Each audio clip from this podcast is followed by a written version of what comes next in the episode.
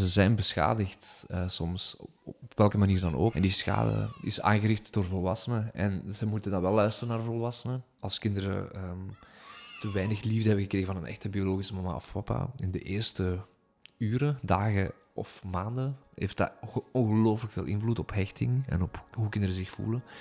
En is bijvoorbeeld als je een compliment geeft, moet je dat niet één keer zeggen, maar tien keer zeggen. Wat heel erg vreemd is. Je zit bijna te tellen, heb ik het nu tien keer gezegd, in de hoop dat hij dat één keer kan onthouden. Super vreemd. Ook voor uh, vrienden in onze omgeving, bijna zoiets van, die zijn echt zot, hè, die Sven en Christophe.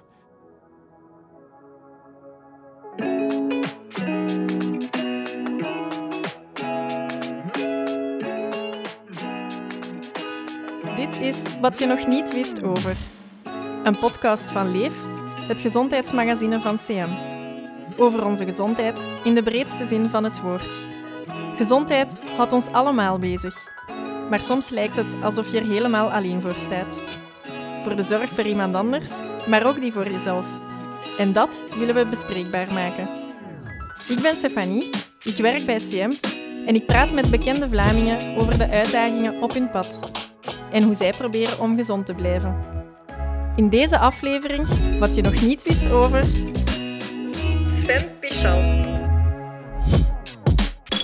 Dag Sven. Hallo. Hoe gaat het met je? Uh, hectisch.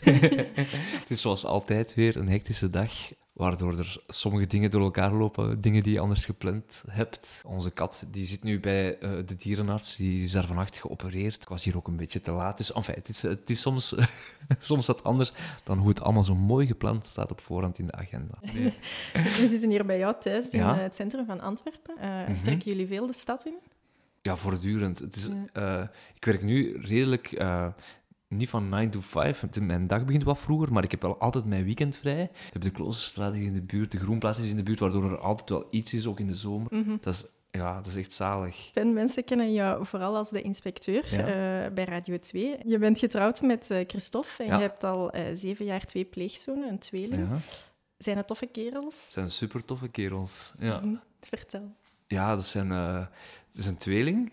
Dus die we kennen vanaf hun tien jaar. Toen woonden ze um, in een voorziening. En de bedoeling was dat we ze in weekends gingen opvangen en in uh, vakanties of halve mhm. vakanties, mm -hmm. uh, als, het, als het niet lukte voor ons om een hele vakantie vrij te hebben. maar al heel snel, het waren ook zeer verbale kerels.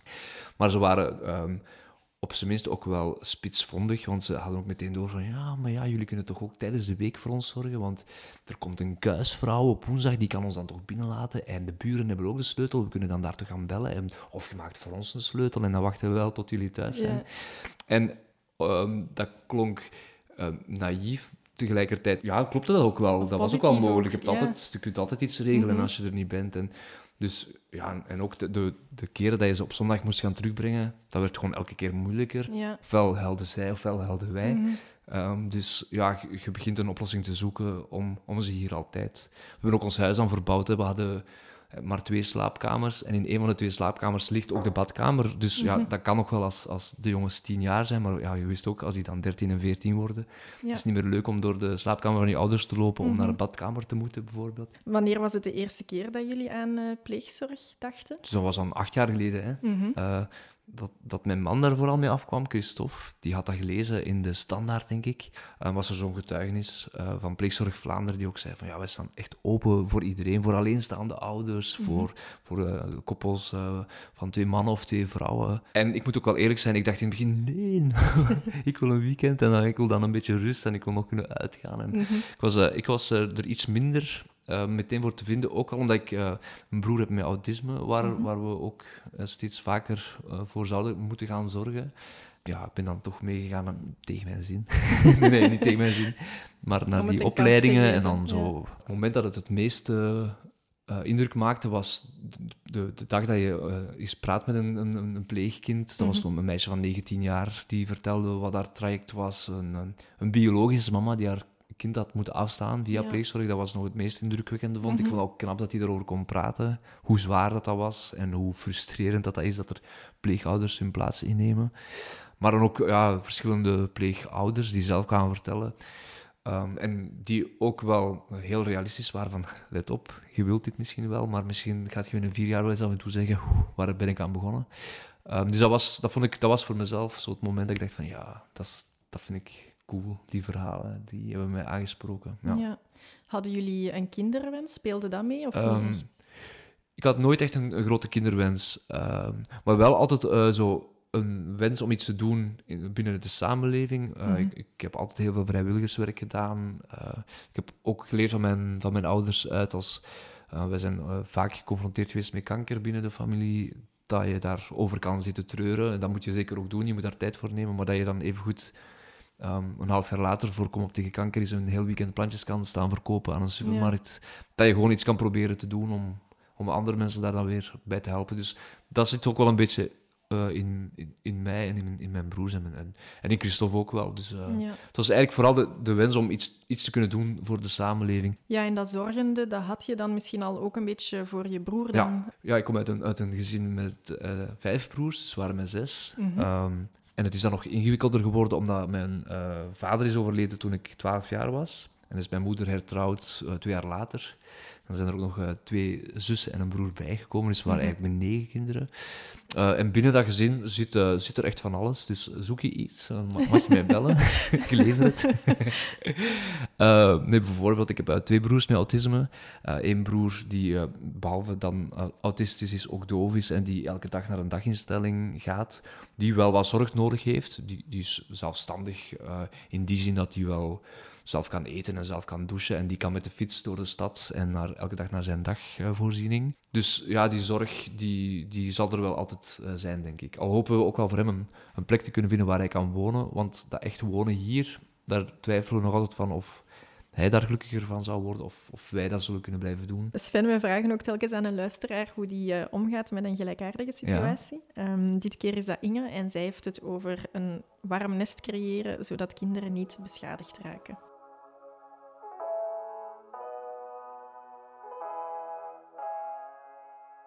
Ik ben Inge van de Wegen en samen met mijn man Mark doe ik aan pleegzorg sinds 2010.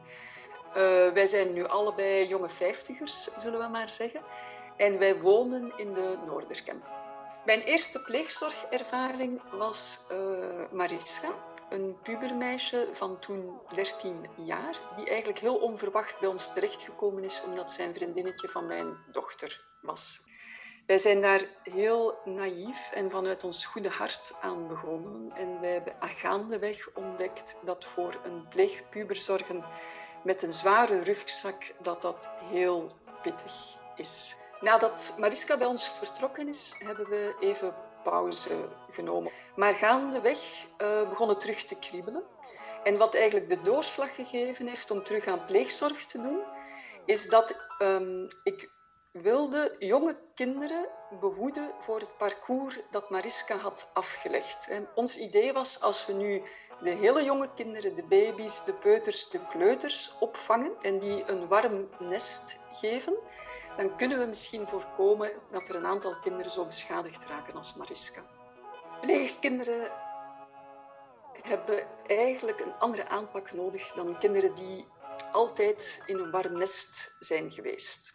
Zij hebben behoorlijk wat meegemaakt, anders zouden ze niet uit huis geplaatst worden. Dus wat hebben deze kinderen nodig? Aan de ene kant veel warmte en liefde, maar aan de andere kant ook een duidelijke en voorspelbare omgeving met opvoeders die er staan en die er blijven staan, ook als het kind moeilijk doet.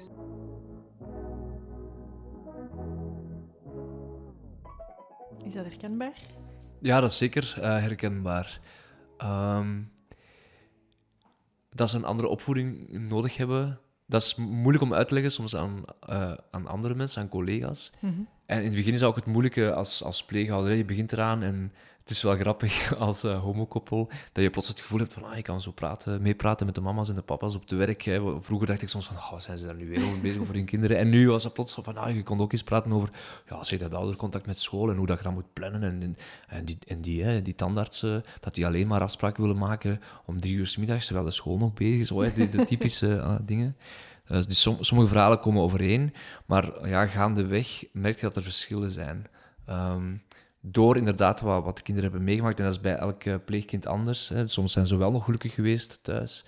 Uh, ik kan niet te veel details vertellen over onze jongens, hè, maar er zijn wel dingen gebeurd in die hele vroege jeugd, waardoor die nu uh, op hun 17, ja, bijvoorbeeld rond emoties, daar hebben ze, daar hebben ze het moeilijk mee. Hè. Daar kunnen ze niet altijd zo heel uh, makkelijk mee overweg. Of -hmm. um, bij, bij een van de twee is er een hele grote drang naar vrijheid om het allemaal alleen te willen doen en om al die volwassenen in hun leven, inclusief ook wij als pleegouders, die het altijd misschien wel goed voor hebben. En daar, daar gaat het voor hem niet om. Hij weet dat we hem graag zien, maar hij zegt zoiets van, ik heb het nu genoeg gehad met al dat advies. Ik bepaal dat zelf. Mm -hmm. ik, ik, zal het zelf wel bepalen. Ook als koppel staat er dan plots soms met twee ervoor. En dan denk je ook van, oei, was, was, dit, was dit onze droom? Was ja. dit wat we wilden? Dus uh, het is wel um, ja, een hele tocht.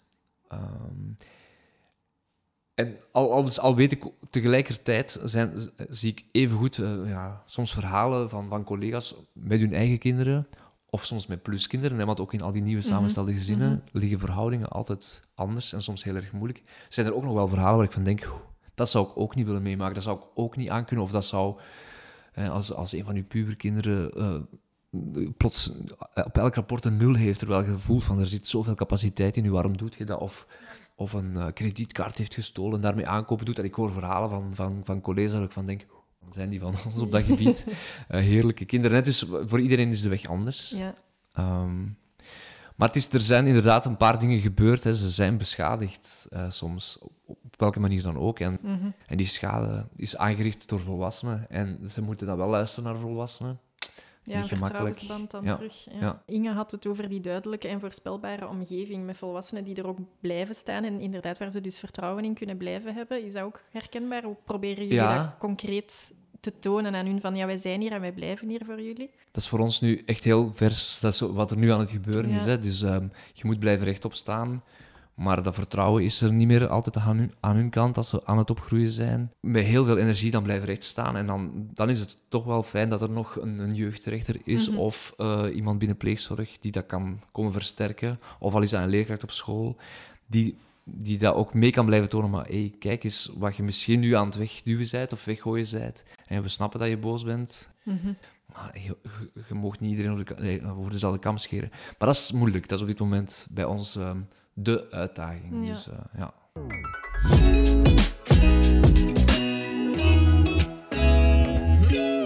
Ja, herinner je je nog het moment dat je de jongens voor de eerste keer zag? ja, absoluut. Ehm, dat was echt wel raar. het raarste was er misschien nog aan, dat, dat was in een, een jeugdvoorziening. Ehm, maar ja, daar ben je gewoon nooit binnen geweest. Dus je komt daar op zo'n plek waar je dat dan plots... Je kent dat alleen uit musicals of eh, uit boeken. Dus dat is al echt heel raar om plots twaalf kinderen eh, te zien rondstormen de trap op en dan... eh, ja, dat, is, dat zijn gewoon dan al die kamertjes naast elkaar. En op het eerste gezicht is dat er wel leuk uit, want er ligt heel veel speelgoed en eh, er wordt voor hen gekookt. En ja, er is wel heel veel tumult. Ik kan me dan nog een beetje voorstellen dan van, vanuit een groot Mhm. gezin te komen. En bij ons Mhm. thuis was het soms even druk dan daar. Eh, maar dan, hè, we hadden dan de jongens nog niet gezien, dan moesten we in een kamertje apart gaan zitten. En dan komen er er zo twee jongetjes binnen met een brilletje op hun neus, die dan ook zo zelf natuurlijk heel zenuwachtig waren. En die hadden zo... Ja, die waren ook meteen zo helemaal zichzelf zoals ze nu, nu zijn. Ehm, alleen nu, nu, nu zit er het puberlaagje over en ze moeten ze cool blijven. Ehm, maar dan was het zo, ze, hadden- ze moesten vragen voorbereiden voor ons en ze hadden... eh, ja, ze moesten eigenlijk zes vragen hebben, maar ja, ze hadden er dan maar drie of zo, denk ik. Want ja, de andere broer had geen vragen gemaakt, maar ja, ja, dus, en dan gingen ze toch de vragen afwisselen. En dan was de eerste vraag van, waar wonen jullie? En dan had ik verteld van, ja, we wonen in Antwerpen, eh, in, in, een, eh, ja, in, een, in een smal huis, eh, maar, hè, met drie verdiepingen, of vier verdiepingen, nee, drie verdiepingen. Ehm, en... en dan, dan was zo meteen het antwoord, ja, mijn tweede vraag moet ik dan al niet meer stellen, want ik had ook wat voor huis, maar ja, dat heb je dan al verteld. Dus dan maar meteen mijn derde vraag. Zo, zo, zo, eh, zo'n beetje grappig, maar zo toch, zo, eh, toch wel al heel mondig. En dat was het eerste wat ons wel opviel, dat ze heel mondig waren. Ja. En daarna moesten we dan zo mee, dan, dan moesten we al hun fietsjes zien die ze hadden en hoe dat snel dat ze ermee konden fietsen. En dan moesten we naar hun kamer komen kijken. En... Dus dat was zo, ja, meteen was dat echt heel erg vlot. het, wat ook wel grappig was, is dat ze, dat ze zo niet met... Ja, dat maakte hen niet uit wie daar zat. We waren twee mannen, maar ook dat was voor hen zoiets... Uh, ze hebben dat eigenlijk nooit, nooit raar gevonden. Zelfs onlangs hebben ze daar nog eens een keer over gepraat. Dat ze... Oh ja, we waren vooral al lang blij dat we niet bij twee vrouwen terechtkwamen, want dat zou ik niet aankunnen, zo. Zeiden ze dan zo. Ik weet niet goed waarom ze, maar... Uh, dat, is, uh, dat is wel schattig. Waren er dingen die jullie afschrikten? Op dat moment misschien zelfs te weinig dingen die ons uh, afschrikten. Omdat je pas uh, door het lang te doen ja, geconfronteerd wordt met van fuck, hoe gaan we hieruit geraken, hoe moeten we dit aanpakken. Er is eens een discussie, kan je dat of dat doen? Hè? Zo alles wat theoretisch, wat je leert over uh, ouder zijn. Ja, je denkt gewoon, hè, je, je koopt een bed in Ikea, ze mogen een laken kiezen of een overtrek kiezen die ze leuk vinden. En, en je weet dat, dat dat niet de enige dingen zijn die hen gaan herstellen of, of, of of uh, vertrouwen doen geven in, in, in, um, in het leven. Maar je weet wel, het kan wel een beetje helpen. Uh, en dat merk je ook door de kleine dingetjes die je doet in het begin. Ja, ze kijken een keer televisie uh, s morgens en je staat op en je, je, snijdt een appeltje. Je gaat dat en de geven van, wow, krijg je een gesneden appel? Is dat ja. alleen voor mij? Zo dingen die ze nooit hebben meegemaakt of niet bewust ja. hebben meegemaakt. Mm -hmm. Dus in het begin zijn er al die kleine dingetjes die je doet. Of de eerste keer op vakantie. Um, we hadden, wij gaan heel vaak naar Zwitserland. En we hadden daar een, een chalet gehuurd, een vakantiehuis. Maar in hun hoofd was een vakantiehuis, wow. He, dus in het begin, dat is ook voor hen zo, de zoektocht van wanneer is dat leuk en wanneer niet. Hè. Dat eerste keer op vakantie gaan, wauw, wauw. Maar totdat je dan twaalf uur in de auto zit, dan is dat toch wel lang. Hè? Ja, en ook voor jullie kan je je daar echt op voorbereiden, denk ik, dan op het hele traject waarschijnlijk niet. Nee, omdat elke situatie ook wel anders is. Nu, je kan wel bij pleegzorg op het einde, eh, als, je, als ze echt zeggen van oké, jullie zien het zitten, wij als organisatie zien het ook nog altijd zitten, mm -hmm. we zien jullie inderdaad wel als pleegouder. Dat is het moeilijkste moment in uh, de hele selectie van, of de hele voorbereiding op pleegzorg, omdat je dan heel eerlijk moet zijn en zeggen van ja, zie ik bijvoorbeeld als uh, atheïstische man, zou ik het zien zitten dat, dat er een heel gelovig kind ja. bij ons thuis komt wonen. Uh, of of uh, ik heb broers die een handicap hebben, zou ik het even goed zien zitten om ook een autistische mm -hmm. jongen of meisje in mijn huis te halen. Mm -hmm. of, of, een, of, of, iemand met een visuele handicap, of, of iemand die misschien zelfs in een rolstoel zit. Hele moeilijke keuzes um, om over te praten. Mm -hmm. Maar ja, bij pleegzorg zijn ze dan wel echt heel uh, rechtuit en zeggen van ja, maar kies wat je echt ziet zitten, want het zal sowieso een opgave worden. Mm -hmm. Dus kies zodat het zeker een succes kan worden. Kan worden, want het, dat weet je nooit zeker. Maar als je, als je daar al niet helemaal eerlijk bent, is dat misschien al een, een kans waardoor het gaat mislukken. En uh, veel van die pleegkinderen hebben al mislukingservaring in hun leven en dan moeten we proberen vermijden. Dus het is voor de kant van die kinderen goed dat je, dat je zo eerlijk mogelijk bent, maar ook voor jezelf heel belangrijk.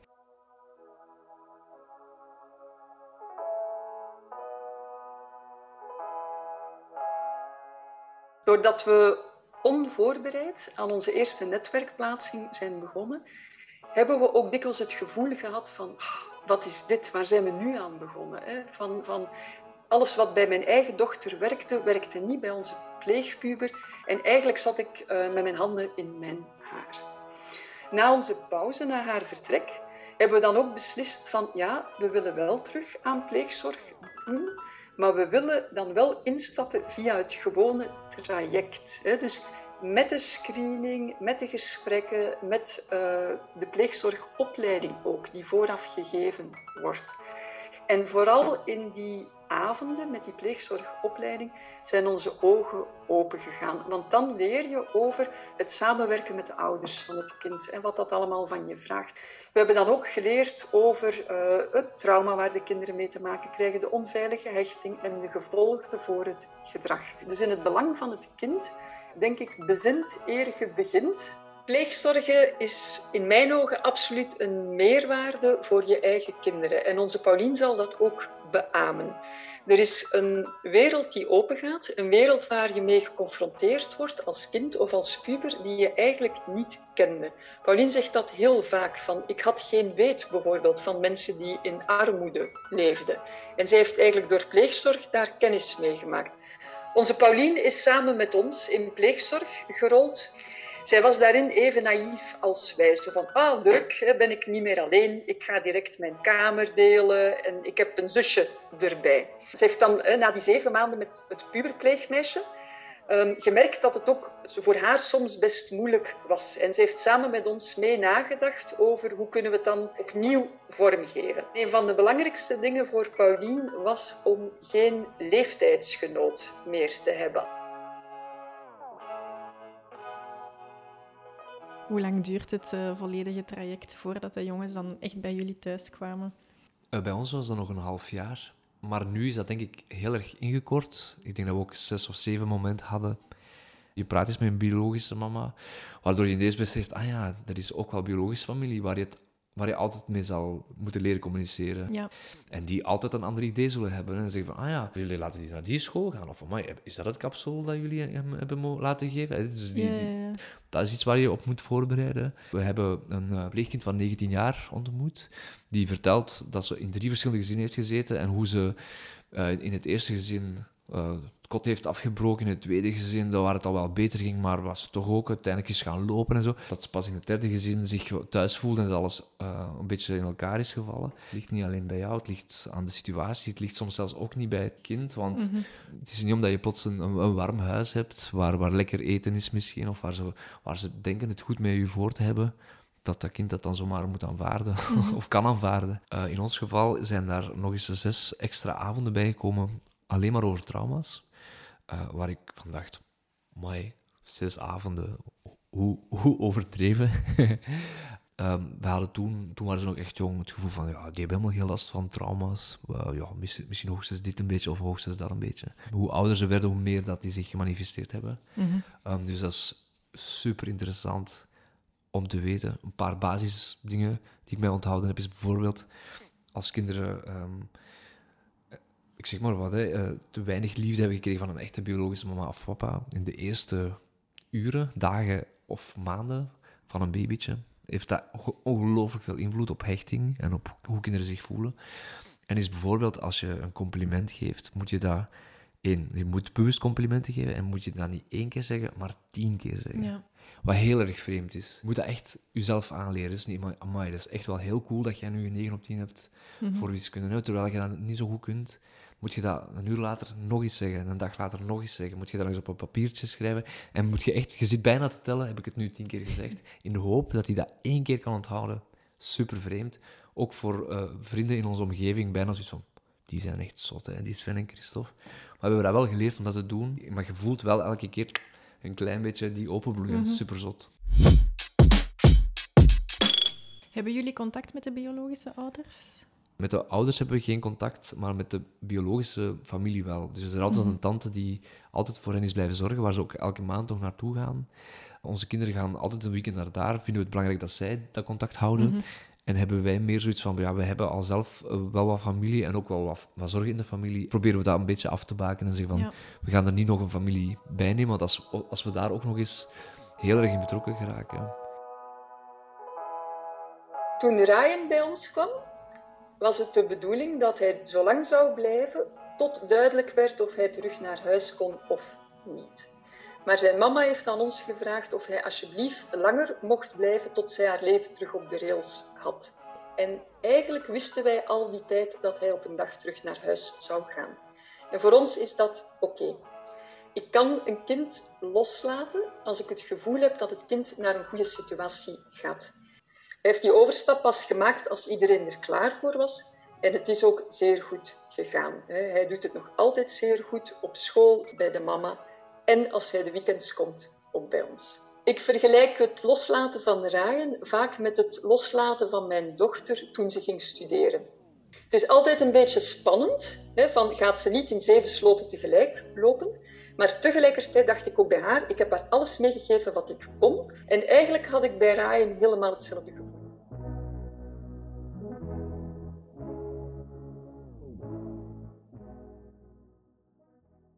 Ik heb mijn pleegkinderen alles meegegeven wat ik kon. Is dat bij jullie ook iets belangrijk of proberen jullie bewust ja, bepaalde waarden mee te geven aan uh, de jongens? Ja, maar dat was wel spannend, omdat ze natuurlijk al tien jaar waren. Mhm. En dan pas twaalf toen ze echt helemaal ja, hier kwamen wonen. Dus dan besef je dat je hopelijk nog een beetje iets kan meegeven. En waren we ook al blij dat er een aantal dingen gelijklopend waren. Maar waar je zo nog wat de kantjes moest af, afveilen. Bijvoorbeeld, hè, zo we waren heel erg bang dat zij misschien racistisch zouden zijn. En soms kwam er wel zo'n... eh, ik, heb een, ik heb een grap gehoord en kwam er zo'n grap en dan bleek die zo nogal racistisch te zijn. En dan was er wel het moment dat je, dat je zo echt moet aangeven van ja, kijk, eigenlijk vinden we dat niet grappig. En, ehm, maar uiteindelijk bleken zij helemaal niet racistisch te zijn en zijn ze zelfs daarin heel activistisch. eh. Ja. En dan ben je enerzijds opgelucht van oef, dat loopt gelijk. En of weet je niet helemaal goed, of hebben we dat nog op tijd mee kunnen keren, omdat dat misschien wat meer dat twijfel was op je 10, 12, van welke richting ga ik hier uit. Ehm, dus eh, sommige dingen heb je ze nog kunnen meegeven, andere dingen, ja, daar zijn ze heel anders in. Eh, en dat weet ik niet altijd heel goed. Is, heb je dat met je bi- biologische kinderen ook? Ik denk dat je, bij, dat je dan veel meer toch... Dat er meer dingen gelijk lopen, niet 100 procent. Eh, ik kom echt uit een nest waar vrijwilligerswerk en, en, en uw inzet, eh, dat zie ik hen bijvoorbeeld niet doen. En dat, dan denk je soms wel zo, ah, dat is jammer. Maar ja, dat is, hun, dat is echt hun eigen keuze natuurlijk. En, Dus er zijn dingen die je nog kunt meegeven. En andere dingen, ja, daar zult je mee moeten leren leven, dat dat echt anders zit. Dat is soms wel frustrerend. Daar zit je soms wel, dat is soms lastig. Wat zeggen de jongens er zelf van dat ze niet bij hun echte ouders wonen, maar bij jullie? Praten jullie daar over? Zeer weinig. Eh, hun mama kunnen ze af en toe zien. Dat, dat emotionele, daar, daar zitten ze met een, met een opgave voor de rest van het leven. Als ze zelf in een relatie gaan zitten. Zijn dat, dat zijn de dingen waar je wel zorgen van maakt. Van, gaan ze een partner vinden waarmee ze goed, dat goed kunnen uitleggen?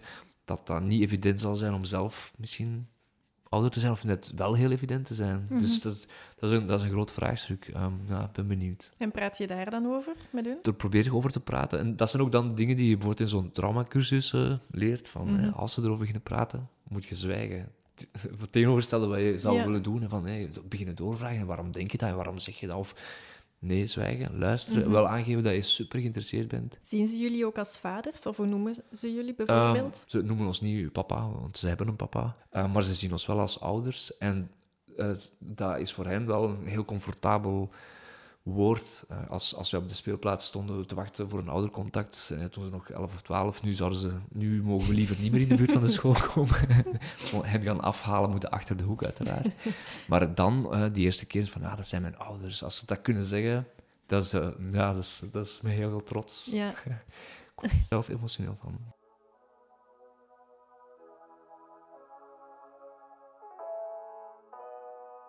Misschien een moeilijke vraag. Zou je overwegen om na de jongens nog een ander pleegkind in huis te halen? Het is niet meer zo'n moeilijke vraag, omdat we, en ze weten dat zelf ook wel. We hebben Mhm. ook ehm, echt gezegd, dat doen we nooit meer.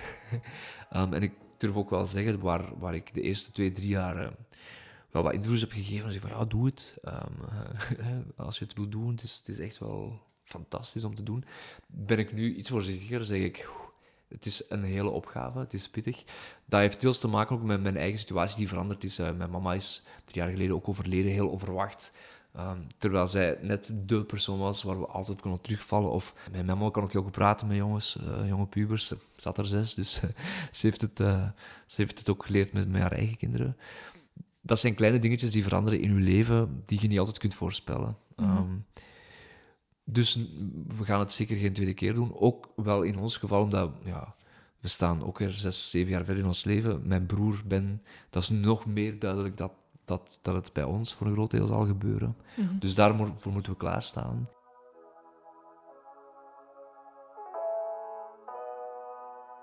Ik vind het heel belangrijk dat pleegzorg bestaat. Wanneer is pleegzorg een optie voor jou? Als je zegt, kijk, ik, heb, ik vind het leuk om voor kinderen te zorgen en ik heb tijd en ik heb energie en ik heb plaats in mijn huis.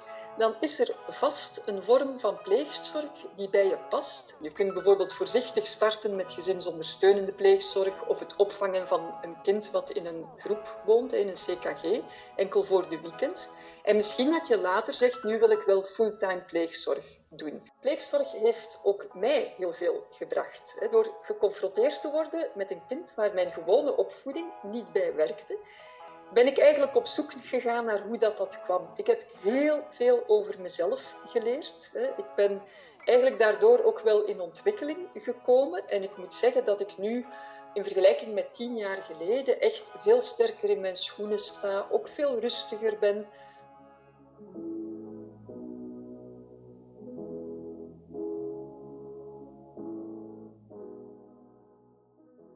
Welke manier heeft pleegzorg jou veranderd als mens? Kan je daar ook zo duidelijk de vinger op leggen? Nog niet, denk ik. Maar misschien omdat we er no- nog heel erg middenin zitten. Maar vooral, ja, wel ook echt geconfronteerd. Vooral ook met jezelf bijvoorbeeld. Hè, dat je denkt van, ja, dat je denkt dat je diplomatisch bent en rustig bent. En dat je nooit gaat roepen tegen een kind. Ja, op dit moment is dat helaas, hebben we de laatste twee jaar gezien, dat er af en toe dat je toch, dat het toch heel moeilijk is om al die theorie ehm, vol te houden. En dat is ook misschien nog een van de redenen waar ze zeggen van, ah, nu nooit meer. En misschien dat we dat binnen drie jaar wel zeggen. Eh, en het gaat ook heel vaak heel goed, hè, want het klinkt nu misschien, wordt, klinkt het eh, interview af en toe zo wat dramatisch. Maar het is gewoon, ehm, ja, het, we zitten er gewoon zo middenin dat het, ehm, dat het woord pittig, dat dat op zijn plaats Ja. blijft. Sven, hoe zie jij de toekomst? Zijn er zaken die je echt nog graag zou willen doen? Dat mag echt over van alles gaan. Ehm, ja, ik hoop, ik hoop in elk geval dat we voor mijn, voor mijn broer Brennan, dat er een, plek is waar hij misschien toch wil gaan wonen, waar hij zich goed voelt. En verder hoop ik gewoon dat die twee jongens, eh, die zo nu net voor hun 18, dat, dat die de goede keuzes, of zoveel, zoveel mogelijk de goede keuzes zullen maken. En dat die ook gelukkig worden en dat we die gaan blijven zien. En dat de discussies die er nu soms zijn over, over dat loslaten en over die keuzes maken, ja, dat, dat die niet de, de band die we hebben gaan, eh, gaan verstoren. Maar dat geloof ik niet. Ik denk wel dat we daar gaan uitkomen en dat, we, dat er wel wederzijds respect is. Want dat is er wel, dus dat is wel fijn eh, om, om te voelen. Ik hoop Ja. het ook voor jullie in ieder Dank u geval. wel.